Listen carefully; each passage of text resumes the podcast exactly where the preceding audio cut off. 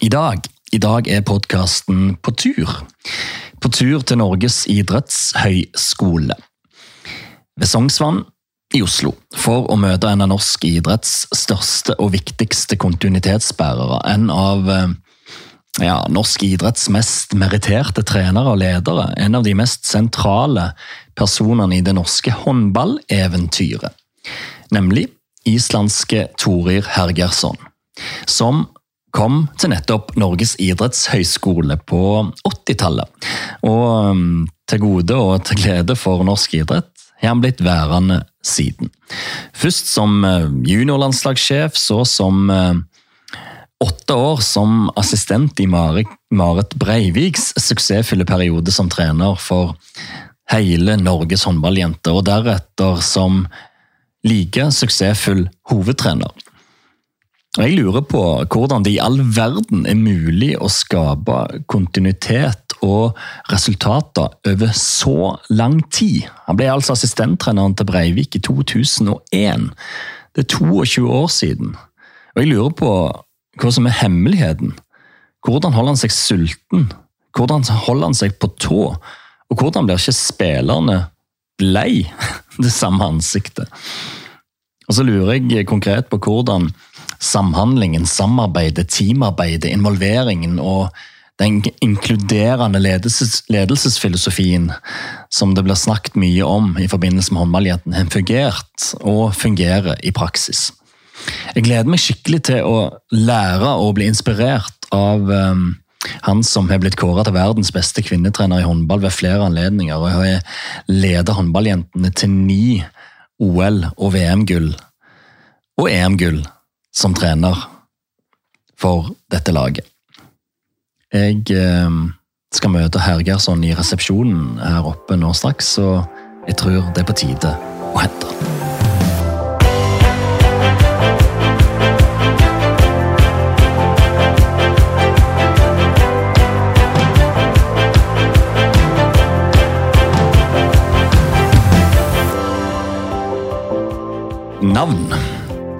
Þórir Hergersson. Det var islandsk uttale? Ja, jeg må prøve å holde det litt inne. Men uh, i Norge sier man Torir. Nettopp. Hva liker du best? Er det greit for deg at de sier det med norsk schwung? Ja, det går så bra, bare en ikke sier Toril. Det er det jo en del som, som sier, da. Idrett? Håndball. Moderklubb? Ungmennafjella Selfoss, altså ungdoms- og idrettsforeningen Selfoss på Island. Selfoss, ja. Er det i tilknytning til en by eller et lite sted som du kommer derfra? eller? Selfoss er et uh, voksende tettsted uh, fem mil øst fra Reykjavik, sør, på Sørlandet på Island. Uh, var 3000 innbyggere når jeg dro derifra i 86, og nå er det 12 000. Nettopp. Så det er massiv vekst, rett og slett? Ja, det er vel sånn som det er alle tettsteder eh, når folk flytter utafor storbyen, men pendler til storbyen for å jobbe. Og det gjelder Reykjavik, Selfoss, det er 4,8 mil. Ja. Skjønner. Første konkurranseminne? Ja, det Jeg tror det var eh, et friidrettsstevne. Jeg husker sånn eh, glimter derfra. Eh, hvor hun var med på veldig mange grener. Jeg husker løp og hopp og kast. og Jeg husker det spesielt godt, for det var en utrolig fint vær og, og spennende, stor opplevelse som en liten guttunge. Så friidrett er ditt første minne, rett og slett? Ja, det er jo, for vi, vi, begynte jo ikke med håndball før uh, vi kom på skolen. Og da ble det spilt i en liten gymsal, og, og vi spilte ute på asfalten. Det, men det, håndballen begynte jeg med først eh, i tredje-fjerde klasse. Eh, mens friidretten og svømmingen og alle de andre idrettene der, de begynte jeg med mye tidligere. Største opplevelse på idrettsbanen? Ja. Det, Der er det litt å velge i. Ja, det, det jeg, jeg, er litt sånn varsom med å ikke sette de opp mot hverandre. Eh, Og så finnes det jo noe som en klok toppidrettsutøver har sagt en gang, Kjetil André Aamodt, at det neste er det beste. Mm. Men for å si det sånn, hvis man skal rangere eller sette liksom de her konkurransene en har vært med på opp, og, og det man har fått oppleve, så så, så, så, er nok eh, OL-gullet i London i 2012 kanskje det som henger høyest. Eh, kanskje mest fordi at det er et OL, og samtidig var det en ekstremt krevende turnering. Vi, vi spilte langt unna vårt beste lenge og sleit helt frem til midten av andre omgang i en kvartfinale, hvor det først løsna mot Brasil. Og etter det så spilte vi godt og vant OL. Det, det, det, er mange minner rundt det mesterskapet. Eh, det er stort å vinne OL, men det var også kanskje det mest krevende mesterskapet jeg har vært i. Og, og vi har ennå ikke fått tid til å feire det. Eh, trenerteamet har lovet hverandre at vi skal feire det når vi legger opp. Hjertelig velkommen til våre vinnere, Tore Hergersson.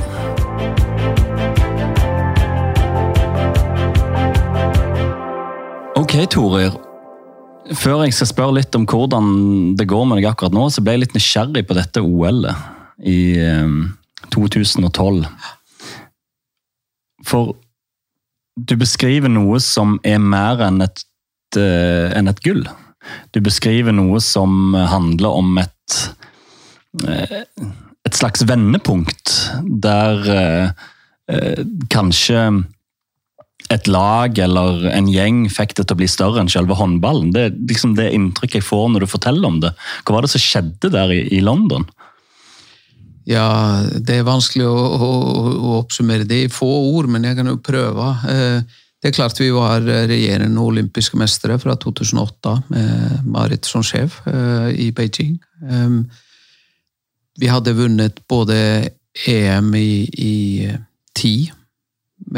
som, som, mitt mesterskap nummer to. Eh, vi vant eh, VM i 2011 i Brasil. Vi hadde den samme gjengen. Både utøverne, organisasjonen vår, vi trenerne og hele Norges befolkning eh, hadde veldig stor tro på laget. Og på en måte sånn som det skjer ofte når det går godt, så forventer en mer, og en forventer at en skal gjøre det igjen gang på gang. Eh, og det blir en slags automatikk i det, eh, av en eller annen grunn, når man blir godt vant. Eh, og så vi, hadde vi en god oppkjøring på sommeren i 2012. Vi gjorde gode treningsresultater som blir jo hausa opp, og, og, det er jo ofte sånn i treningskamper at motstanderne kanskje ikke er like på uke, eller de prioriterer annerledes. Eh, vi hadde god flow, følte at vi var i god form. Spilte en turnering i Drammen, slo Danmark og Frankrike med mye mål i forkant. og Alt skulle liksom være lagt til rette for at vi skulle spille bra i et OL. Mm. Så fikk vi litt skader på tampen av oppkjøringa eh, på noen nøkkelspillere som fikk litt sånn stressmoment i forhold til det å rekke å være klar til OL. Det spilte litt inn. Vi hadde og disse forventningene, og så kom vi til eh, London, og så trente vi, og så begynte vi å spille kamper, og det, det løsna liksom ikke. Det var litt håndbrekk på, og, og, og liksom det var sånn gjennom hele innledende gruppespill. Eh, vi tap taper åpningskampen mot Frankrike. Vi, vi sliter mot uh, Korea, som hadde et godt lag og klarte uavgjort. Uh, vi taper for uh, Spania. vi slår Sverige, tror jeg det var, hvis ikke det var Danmark.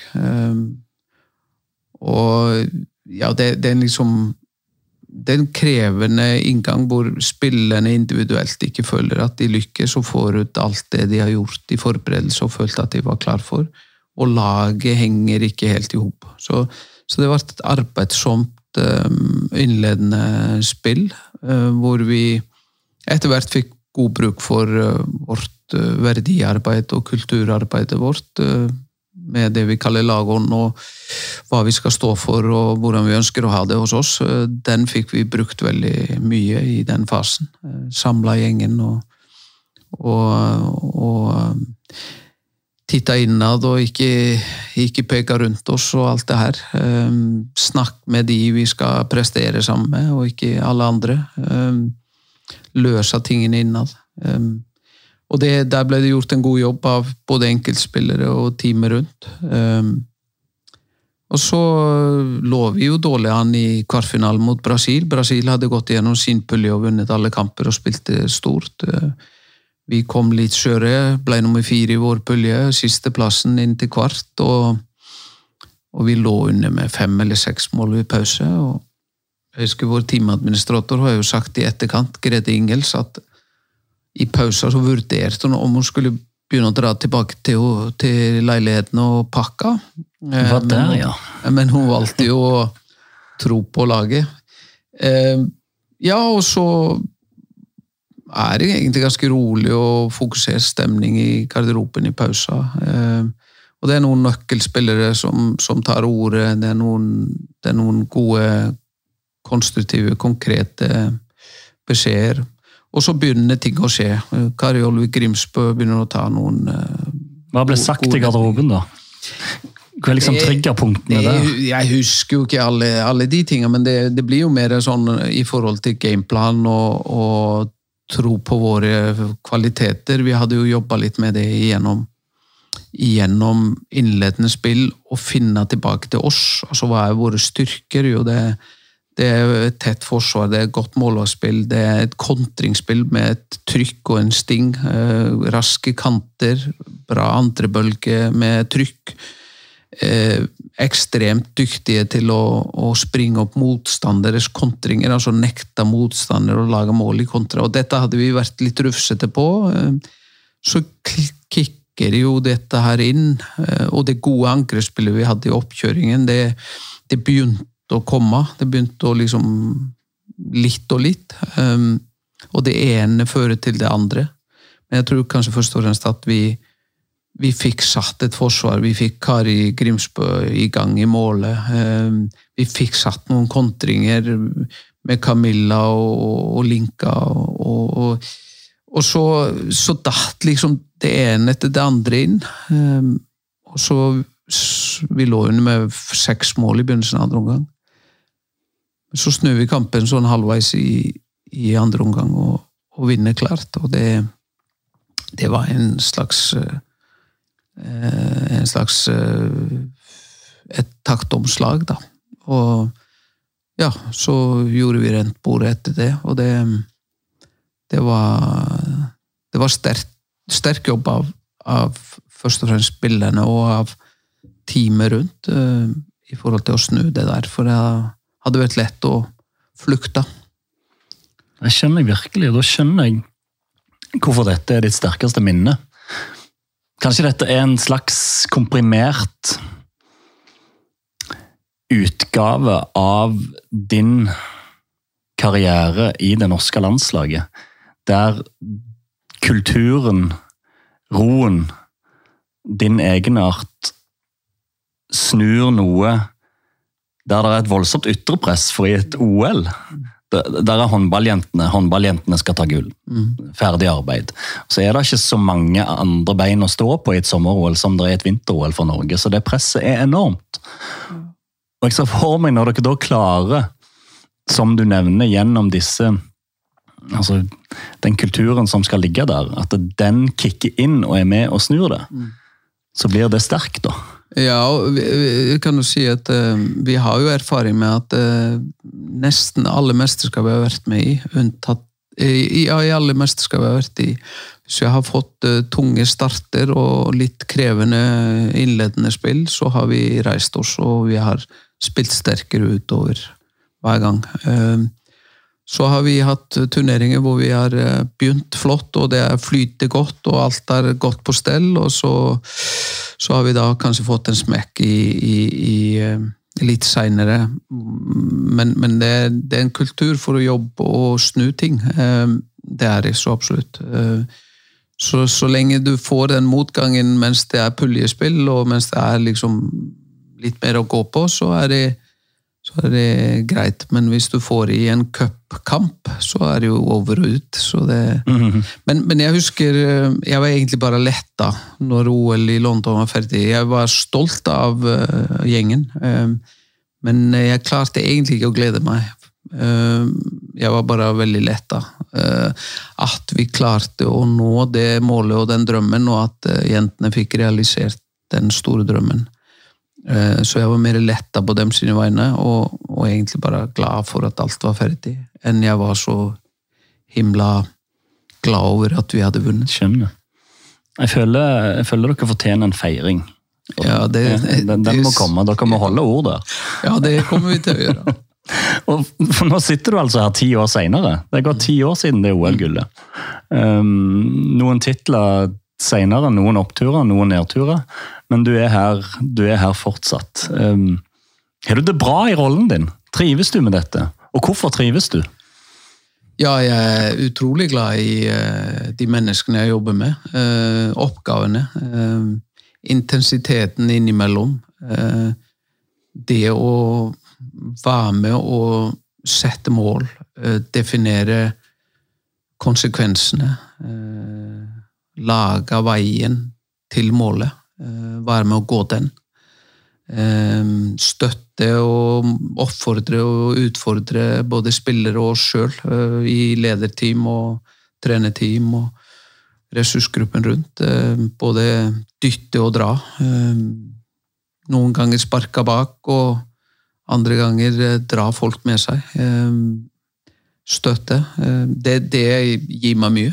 Det, det er jo det som motiverer meg. Det er jo prosessene. Ehm, så er jeg jo selvsagt fortsatt glad i å konkurrere. Ehm, jeg syns det er gøy.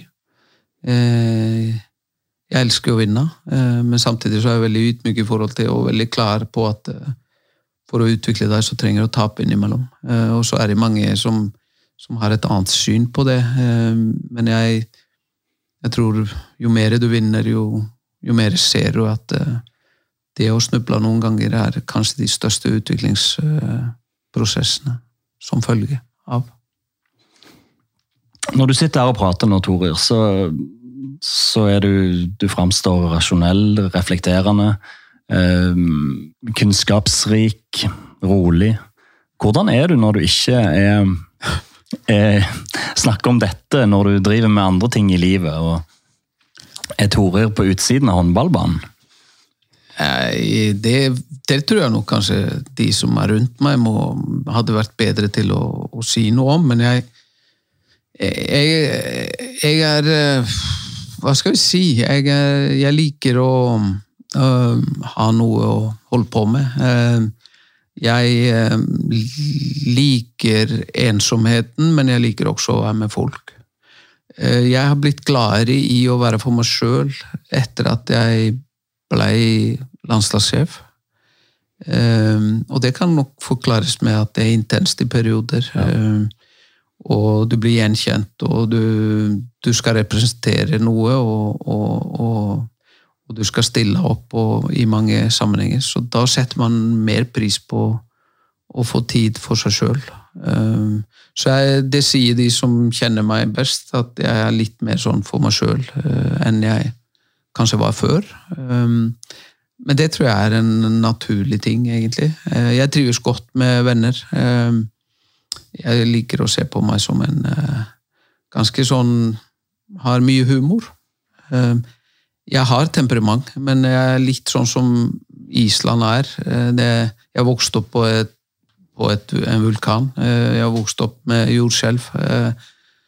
Og vokst opp med værforhold og bor på Jæren også nå, hvor været skifter fort.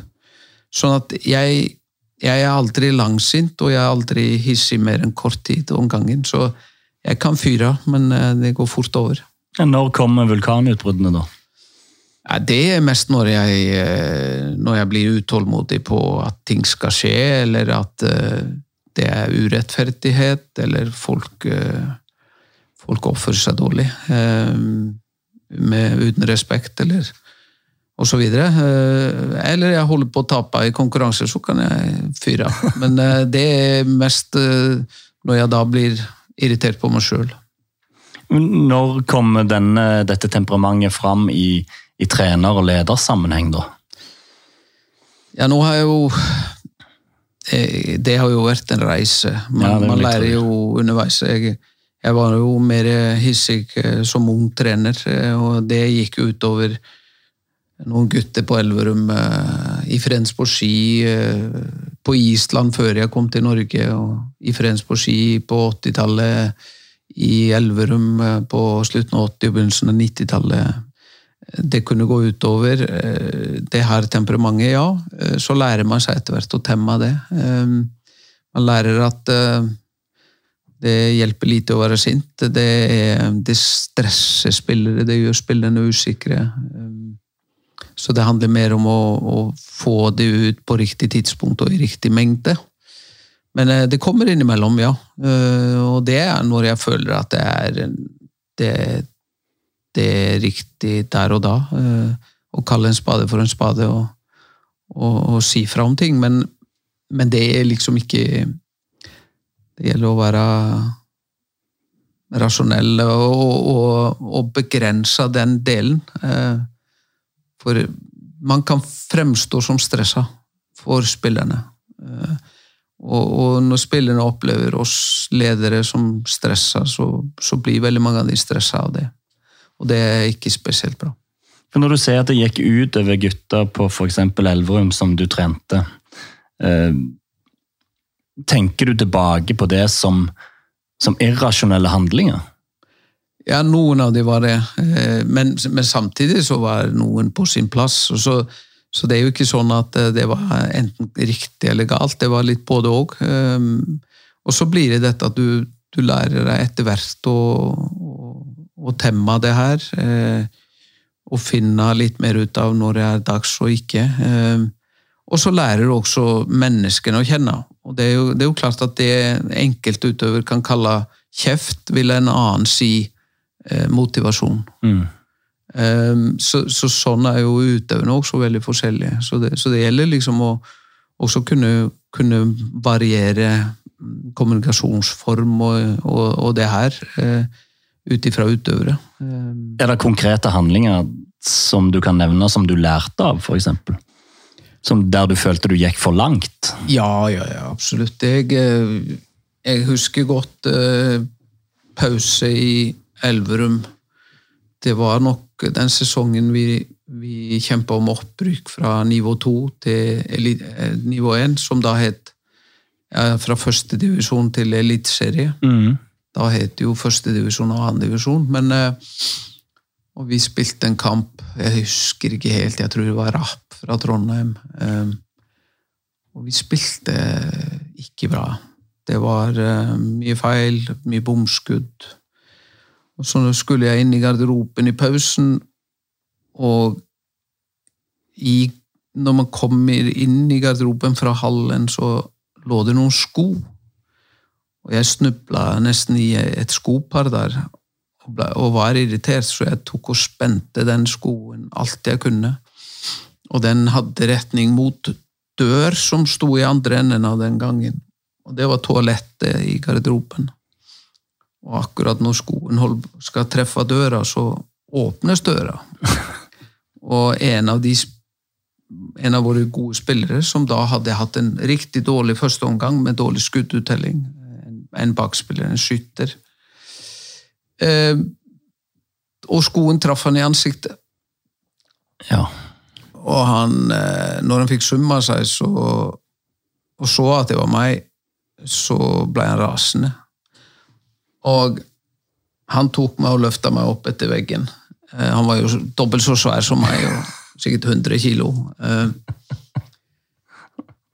Helt til de øvrige gutta og, og oppmennene og sånn kom og, og liksom fikk roa gemyttene. Eh, Jeg var jo egentlig rolig, jeg angra jo allerede eh, og prøvde å, prøvde å unnskylde og forklare meg, men um, så husker jeg jo ikke alle detaljene etterpå, men vi fikk noe summa, og så og så vant vi jo andre omgangen veldig klart, sånn at vi vant kampen. Eh, og vedkommende spiller, han spilte riktig godt i andre omgang, så Men jeg har aldri Ja. gjentatt den uh, tingen etterpå.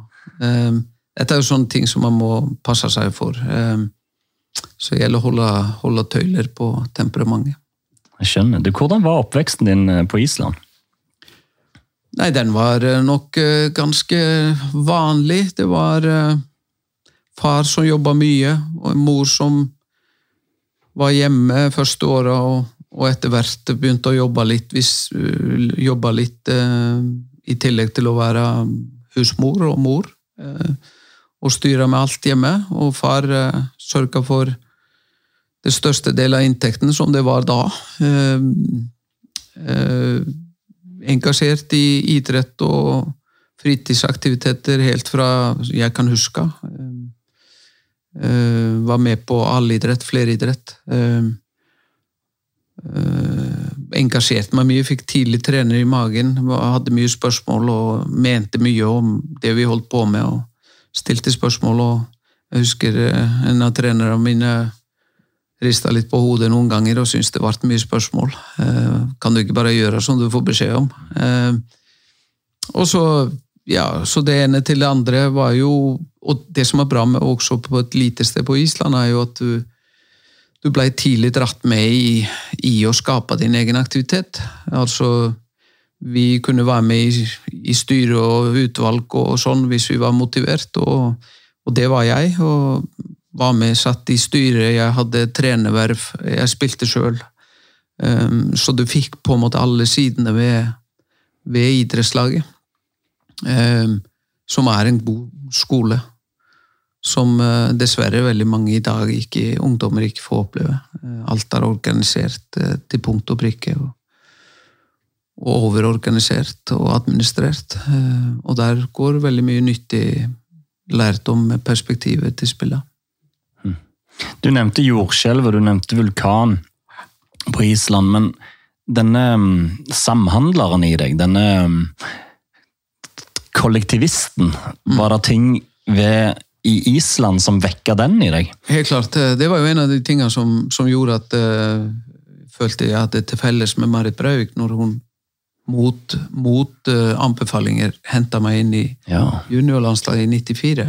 Uh, så, så, så, var det jo denne her sosialdemokratiske bo på landet, bygda, alle sammen, alle foreningen for alle.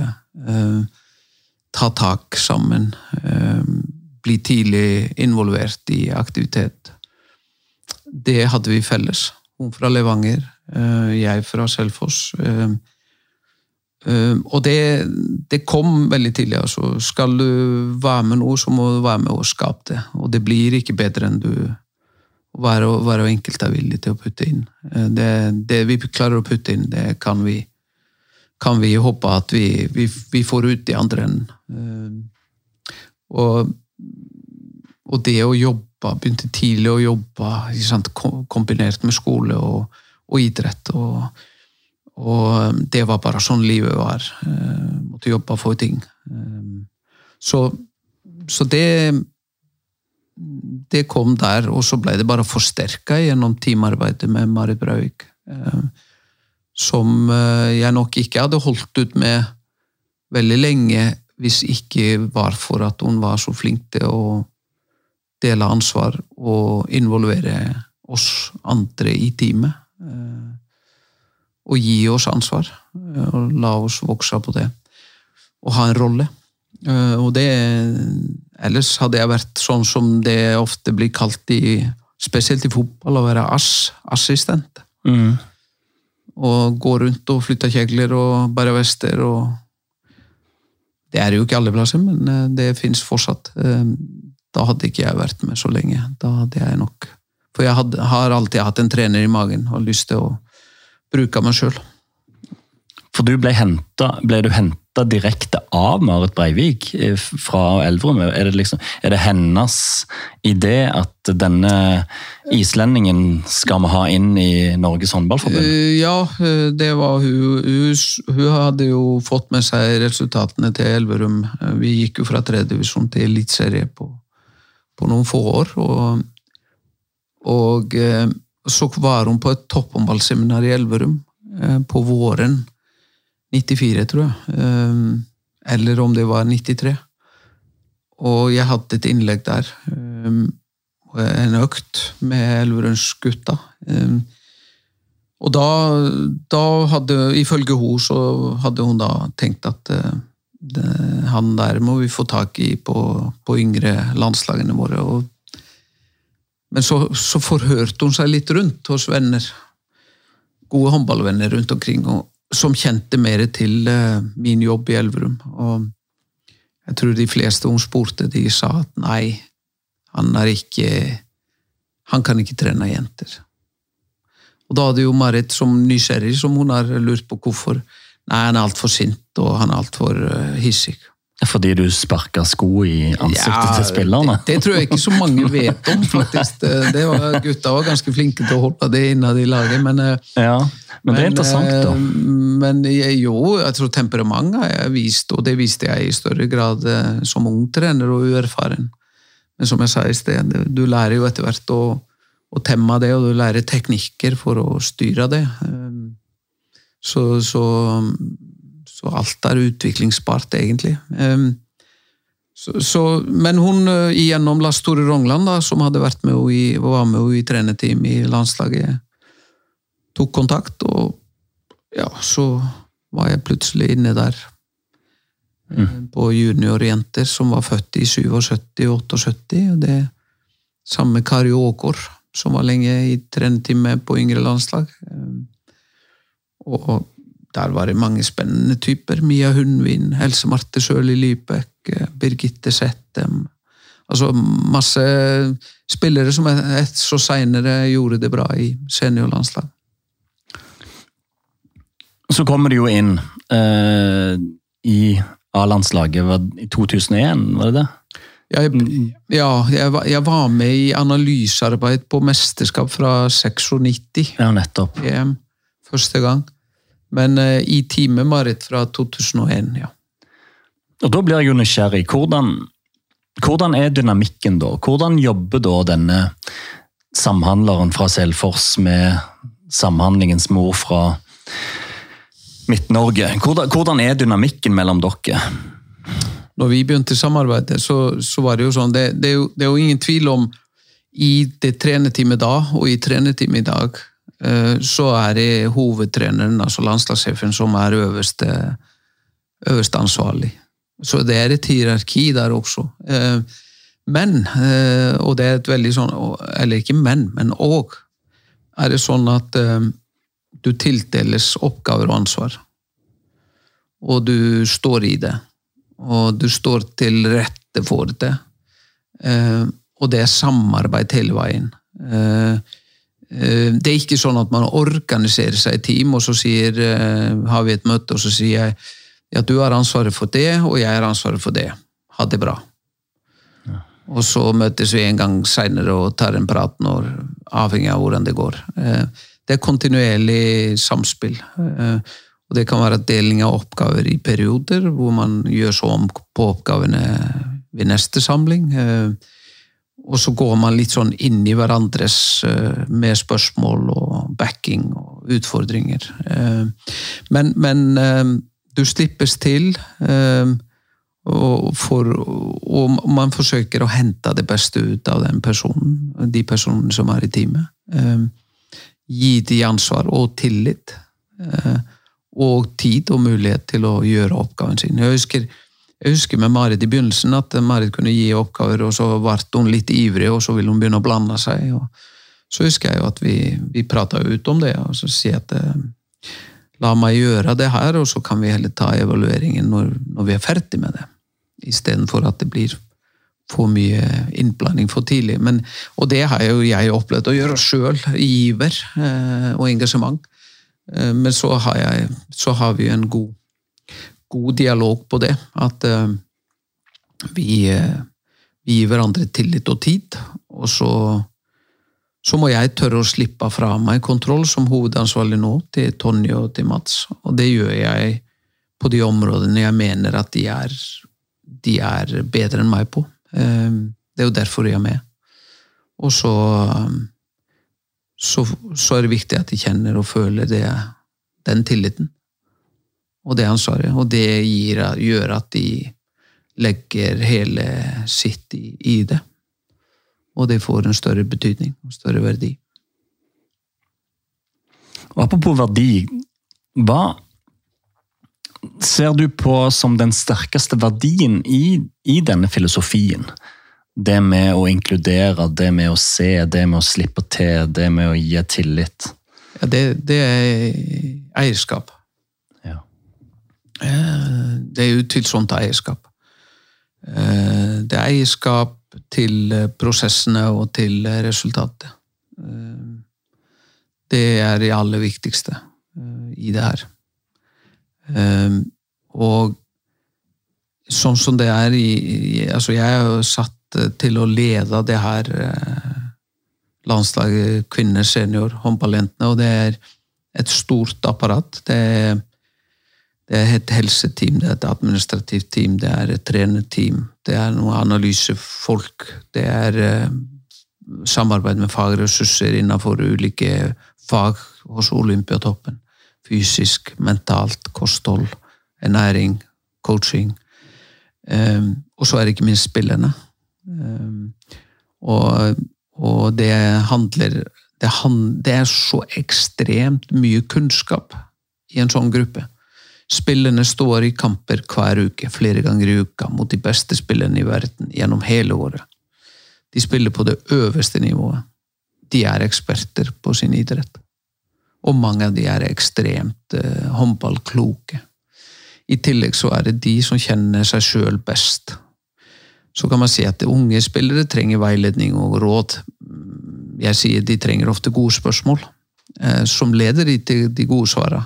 Eh, men, men de erfarne spillerne innehar mye kunnskap, først og fremst om seg sjøl, men også stor kunnskap om idretten.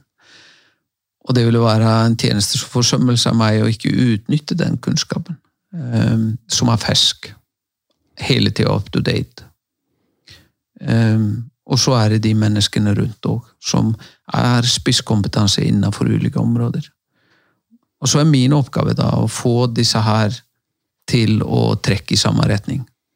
En ting er å få folk til å ro i takt, og så er det også en oppgave å få alle til å ro i samme retning. For det er fort gjort i lag med mange interesser og mange meninger og mange individualister eh, samtidig, og mange eksperter som da vil gjerne at min, mitt fag er det viktigste. Det er viktigere enn det andre faget. Og du får alle her til å først ro i takt, og selvsagt samme retning. Da, det er den eneste måten egentlig å få nå målet. Egentlig å ha håp om å nå målet. Men Hva er det mest utfordrende da med å få eh, såpass ulike individer som det er i en sånn gruppe, åpenbart, til å dra i samme retning? Til å gå mot det samme målet? Ja, det, det, er en av de tingene i jobben som du aldri må gå lei av. For den dagen du går lei av det, så må du gi deg. Og det er å repetere. Og det er å jobbe med hvem er vi, eh, våre verdier. Hva er verdigrunnlaget til håndballjentene? Jo, det er først og fremst de grunnverdiene som norsk håndball skal stå for. Eh, det er respekt, innsatsvilje, begeistring og fair play, eller vi, vi, sier i den rekkefølgen begeistring, innsatsvillig respekt og fair play, og har et, uh, har et kamprop som heter BIRF. Ja. Som jentene sier uh, i timeouter og i førkamper og underkamper. Og, som skal minne oss på hva vi står for. Og så har vi gitt disse verdibegrepene et innhold. Ut ifra spørsmålet om hvordan ønsker vi å ha det her hos oss når vi er samla for å kunne prestere vårt beste. Trives og prestere. Og det, det skaper noen forpliktelser. Det er noen uh, uskrevne og skrevne regler som, som laget har lagd, som, som trumfer alt. Og som vi fikk bruk for i London, og som vi har hatt bruk for i flere mesterskap og sammenhenger siden. Og sette seg ned og titte litt på hva er virkelig viktig for oss på og utafor banen? Hvem er vi? Hva står vi, står vi, for? Og det her er på en måte fundamentet som kulturen som gjør det mulig å få til strategien. For med dårlig kultur så blir ofte strategien spist opp. Som hva hvis, jeg, Nå husker jeg ikke, var det Steve Jobs eller var det Ja, jeg tror det. Som sa at eh, Eller nei, det var en eh, fra Ford-kompaniet. Som sa at kultur Nei, jeg spiser strategi for brekkfast. Eller for frokost. Jeg husker ikke helt hvem, hvem sa det først, men det er, mange. det er godt sagt. Og det, vi har opplevd det. Hvis vi ikke er steingode på å opprettholde kulturen vår, verdiene, vite hvem vi er og hva vi kommer for, og hvorfor vi er her, eh, og hvem vi representerer, så, så hjelper det Når det brenner da i huset, så hjelper det ikke med all verdens strategi. Det får meg til å tenke direkte på da jeg hadde Glenn Solberg i podkasten her, for han tok over et brennende hus mm. i Sverige. Og samla hele gjengen i Hamburg, Hamburg for å sette verdiene. Mm. Er dere ikke med på disse verdiene, så klarer vi ikke å lykkes som lag. Og så ble det et veiskille. Mm. Det ble en indre justis. Eh, og det er jo det du snakker om. Og, ja, jeg... og det dere har klart å ha over lang tid, da. Ja, det, det, har vi. Dette var godt innarbeida med Marit. Eh, vi har tatt det videre. Eh, vi, har, eh, vi jobber forskjellig på det området, men det har alltid en stor plass. Og det er, for å si det sånn, vi er mennesker, og vi kan gjøre feil. Hvis vi gjør en ting én gang, så er det for oss ingen gang. Men gjør vi det to ganger, så må vi begynne å lura. Mm.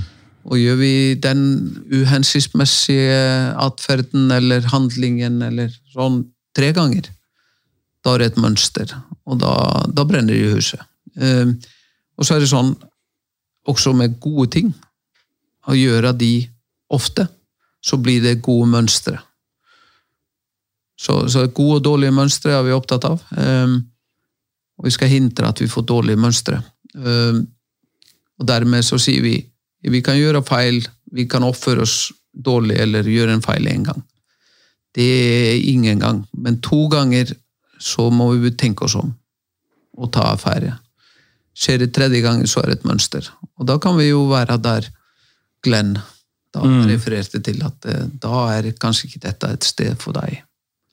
Men, men, så langt har vi, har vi ikke kommet. Nei, men snakker du, i, i, denne konteksten snakker du da både om ting utenfor banen og et lag som gjentatte ganger ikke fungerer sportslig ut ifra planen?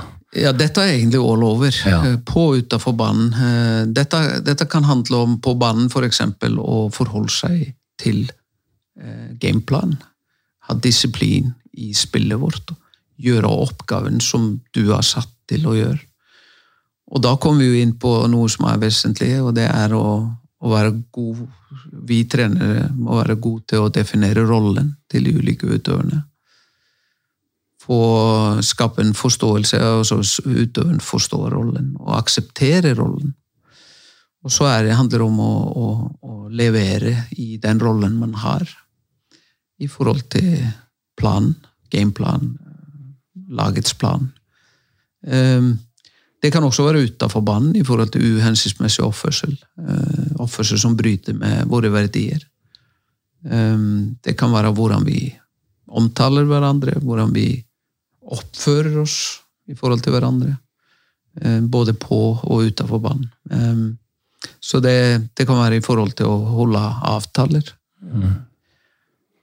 Vi er jo alle med å sette målet. Og hos oss så er det jo Sånn at det er, selv om disse overordna verdiene er her fra norsk håndball, vedtatt på tinget, så er det jo sånn at vi åpner opp for utøverne våre til å ha noen meninger om hvis det er andre verdier som er viktige. Ehm, og det pakker vi inn i noe som vi kaller lagon. Ehm, og det er da spillereglene på en måte på utenfor banen hos oss.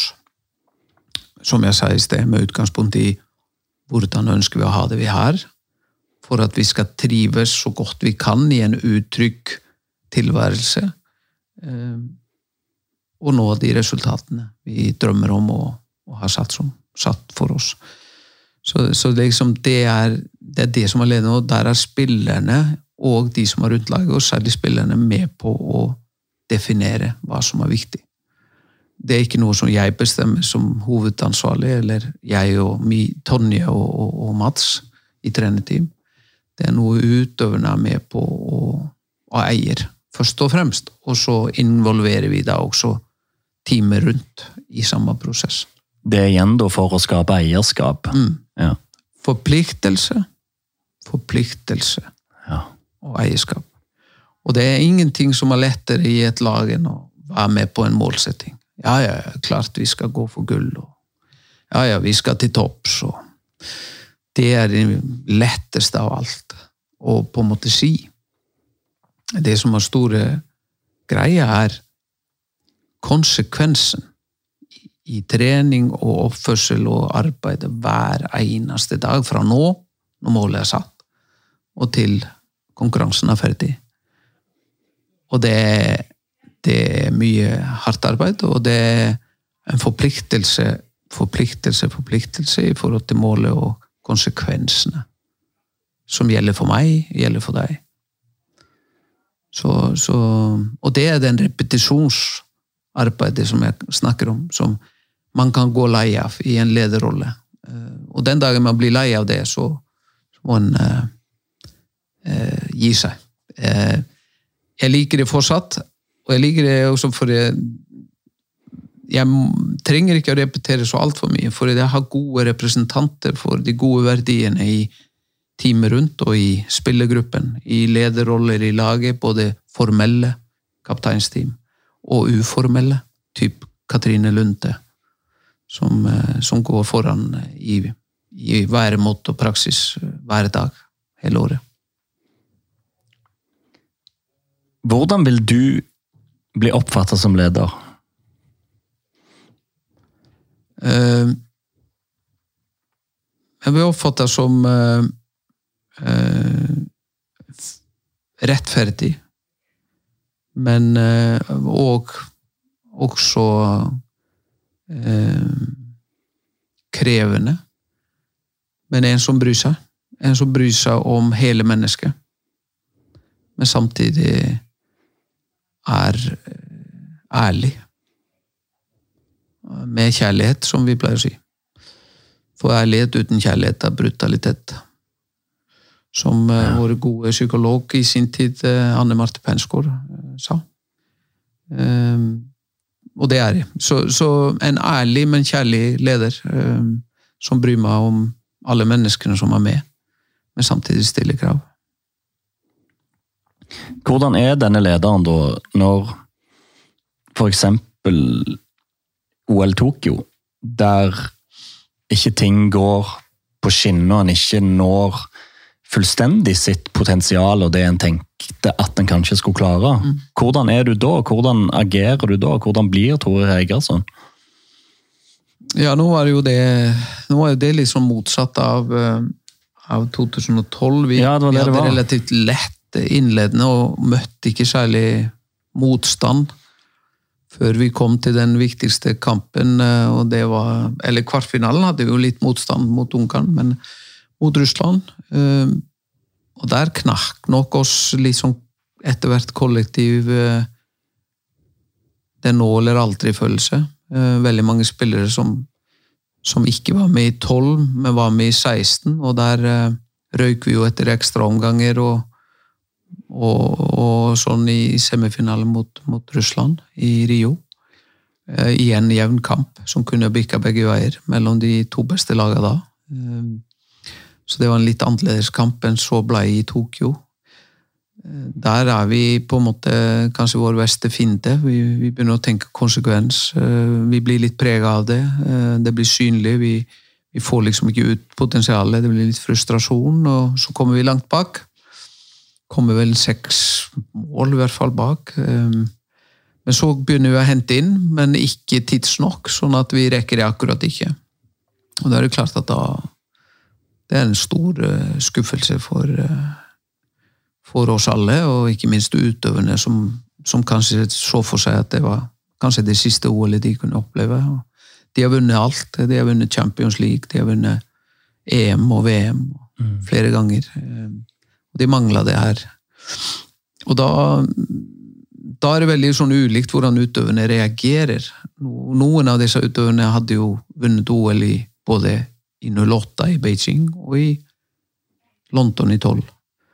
Så de hadde på en måte gullmedaljer fra OL også. Så det er litt ulikt i spillergruppen hvordan dette oppleves. Men noen, eh, noen eh, må du trøste litt, men det er såpass kort tid, så, det er veldig lite tid til sånn. Men det er å ha forståelse for at de er Noen er knust, andre er forbanna. Noen er litt begge deler. Og så er det egentlig å få La følelsene komme ut umiddelbart etter kampen og den kvelden, og få liksom, men så fort begynne å snu mot en ny kamp og nye utfordringer og nye muligheter. og Det er vesentlig forskjell å reise hjem fra et mesterskap, også et OL, eh, uten medalje mm. enn med medalje. Og vi fikk muligheten til å spille om den siste medaljen som var tilgjengelig for oss, og det var bronse. og så handler det om det samme. liksom Få de opp, eh, få de i gang. Prata prate litt med de som er nede. Pusha litt på de som litt for lenge syns synd på seg sjøl. Eh, med tanke på at det er fortsatt en Jobben er ikke fullført. Målet, Overordna målet er jo å slåss om medaljer, så det er fortsatt medaljer å spille om. Og, og det noen av spillerne måtte grave veldig dypt, men de gjorde en kjempejobb. Og så var det jo selvsagt sikkert uh, noen dager og uker etterpå hvor de måtte hente seg inn. Um, men det er liksom å dytte noen og dra andre. Uh, kanskje sparke litt bak uh, hvis det tar for lang tid og synes synd på seg sjøl. så må man på en måte sette det på vent. Må, må inn i oppgaven. Man har forpliktelser overfor laget, ikke minst.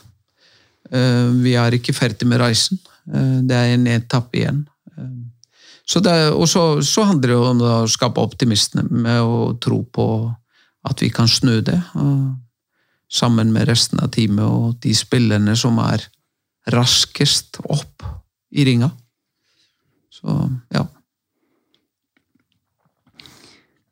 Det jeg lurer på, er Eller en av mange ting jeg lurer på, er når du har vært i dette A-landslagssystemet siden seint 90-tallet og vært med i trenerteamet siden 2001, som er, er 21 år siden.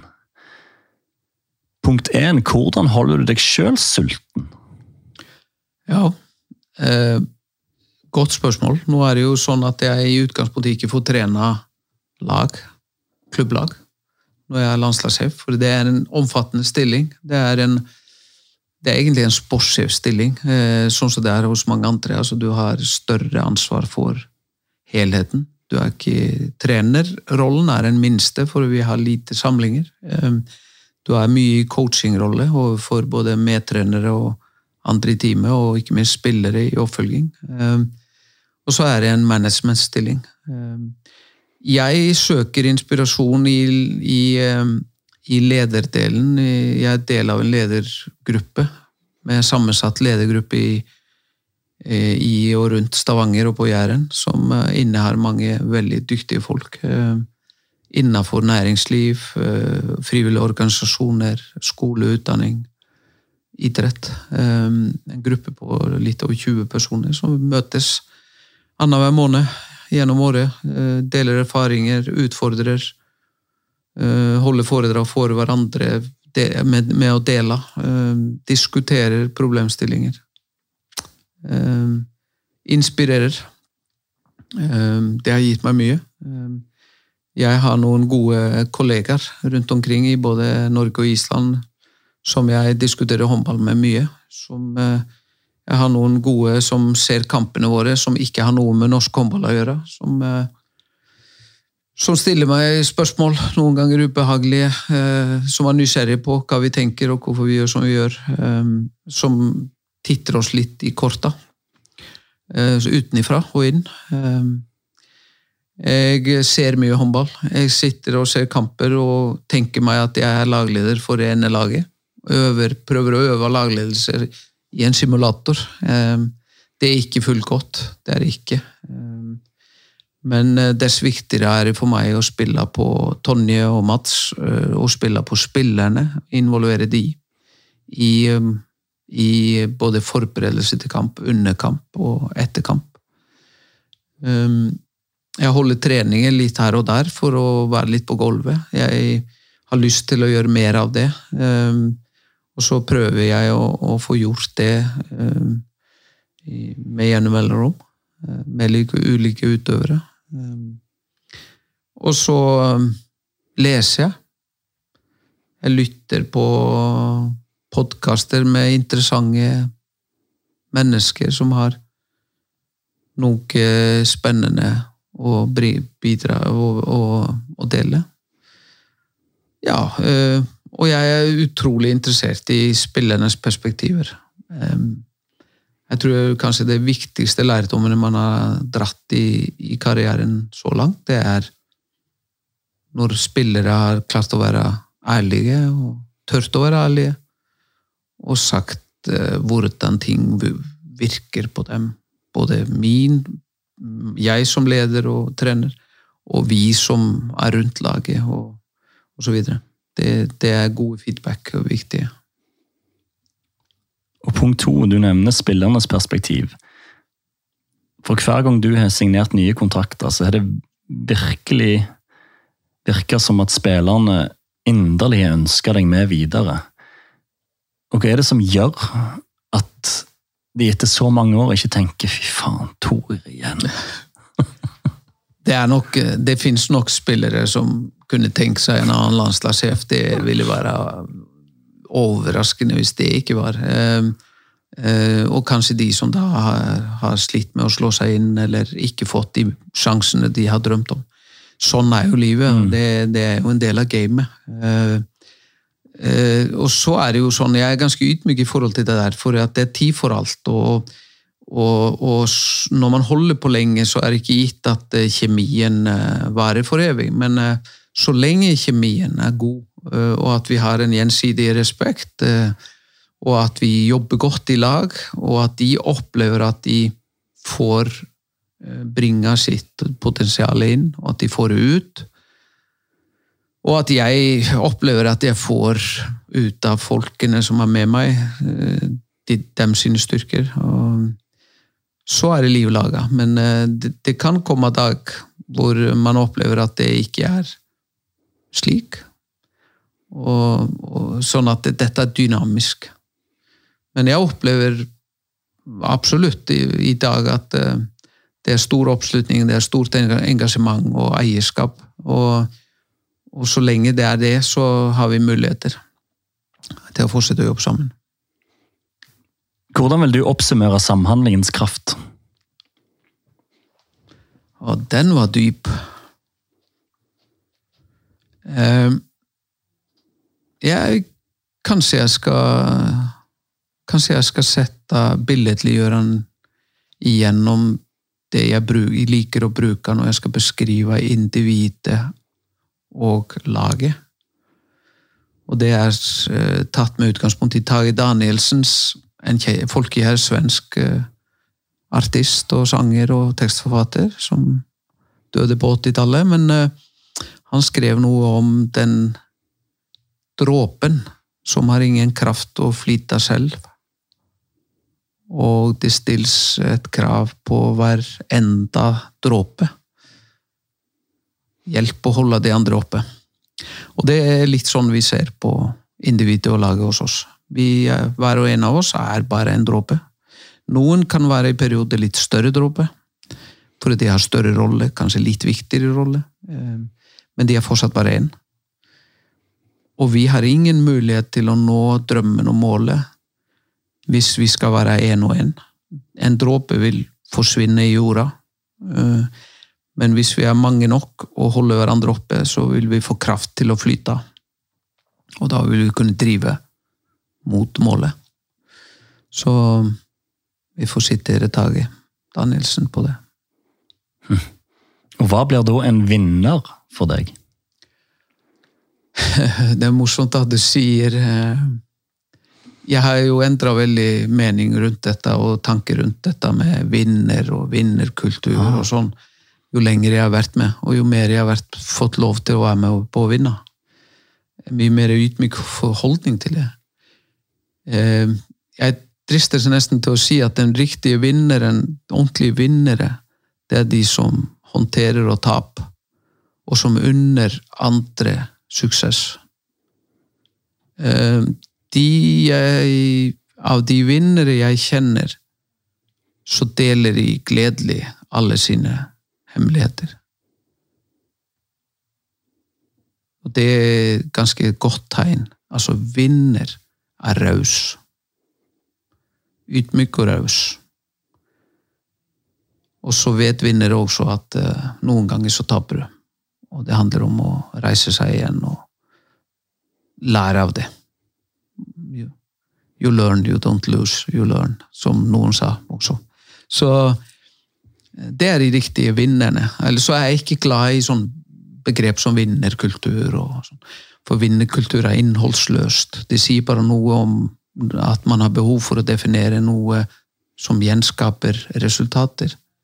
Men det er jo innholdet som er mer interessant. Så, så jeg får ofte spørsmål om det der og sier at det, ja, hvordan lager man sånn vinnerkultur? Så sier jeg det, det er et dårlig begrep. Fordi at hvis du, hvis du tar det liksom til idretten, noe som er en mare og rir barne- og ungdomsidrett, som er mare, og håndballen spesielt, det er fokus på resultat. Vinne eller tape. Vinner du, så er du god. Taper du, så er du dårlig. Og det sier egentlig ingenting, for at du kan bare sørge for å møte dårlige lag, så vinner du. Du er ikke vinner for det.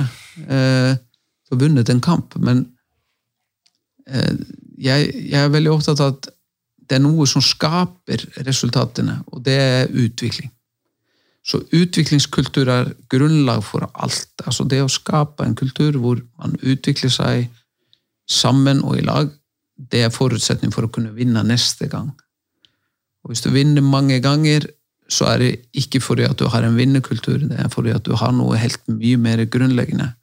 Det er at du har ydmykhet overfor oppgavene, du har lyst til å lære, du har utviklingsfokus hele veien. Og du håndterer å tape på veien. Det var fint. Til slutt, Torir, hvor lenge tror du du kommer til å fortsette å gjøre et ærlig forsøk på å gi vinnerkulturen i kvinnelandslaget i håndball innhold? Ja, nå Jeg er jo litt sånn Nå, nå er det neste som teller, og det er EM i november. Og jeg er midt i en uh, fireårsavtale. Uh, uh, den varer til uh, 24 31.12.24. Det er den avtalen jeg har med Norges Håndballforbund. Jeg trives godt både i jobben, i, med oppgavene, sammen med de folka i, sentralt i Håndballforbundet, ledelsen. Eh, ikke minst da spillerne og teamet rundt. Eh, samarbeidet med Olympiatoppen. Jeg trives enormt godt med det. Eh, jeg liker prosesser, som jeg sa. Jeg liker å jobbe med mål og konsekvenser og forpliktelser og utvikling. Eh, Men jeg tror jeg, det er nok å tenke ett år om gangen. Målet er OL i, i Frankrike, og de trenger vi å kvalifisere oss. Så det er målet for EM, og eventuelt et VM på hjemmebane i 23. Eh, Og det tror jeg holder i massevis. Og så får en se om det er liv laga, som jeg sa i sted. Om vi trives i lag, om jeg trives, om jeg er god nok. om... eh, om et håndballforbund ønsker deg. Det, alt har sin tid. Så, så vi får se. Eh, en dag, en uke, en måned, et år i gangen. Så får vi se. Denne samtalen og denne timen Tore, har uansett gjort meg enda klokere på hvordan dere har klart å skape resultater eh, og kontinuitet over tid. Det har vært veldig interessant. Eh, masse spennende innfallsvinkler på et spennende tema. Så tusen takk for at du tok deg tid og ble med i podkasten. Takk eh, for gode spørsmål. Eh, Og så har jeg lyst bare å knytte på sånn at det er nyttig for meg å få gode spørsmål som du stiller, og fortelle. For det å reflektere over egen praksis, det er en veldig god og nyttig øvelse. Og gjennom praten nå så har jeg allerede fått noen innfalls her som jeg skal notere meg etterpå. At uh, vi må gjøre mer av det, og det må vi hente fram igjen. Eller det fungerer kanskje ikke like godt som det gjorde. Eller det må vi fortsette å gjøre, for det fungerer godt. Så egen refleksjon. Å bli stilt gode spørsmål, det er nyttig. Takk. Mm. Det var gøy å høre. Lykke til videre, Torir, og med alt du og dere skal gjøre. Og tusen takk for at du kom i Våre vinnere. Tusen takk.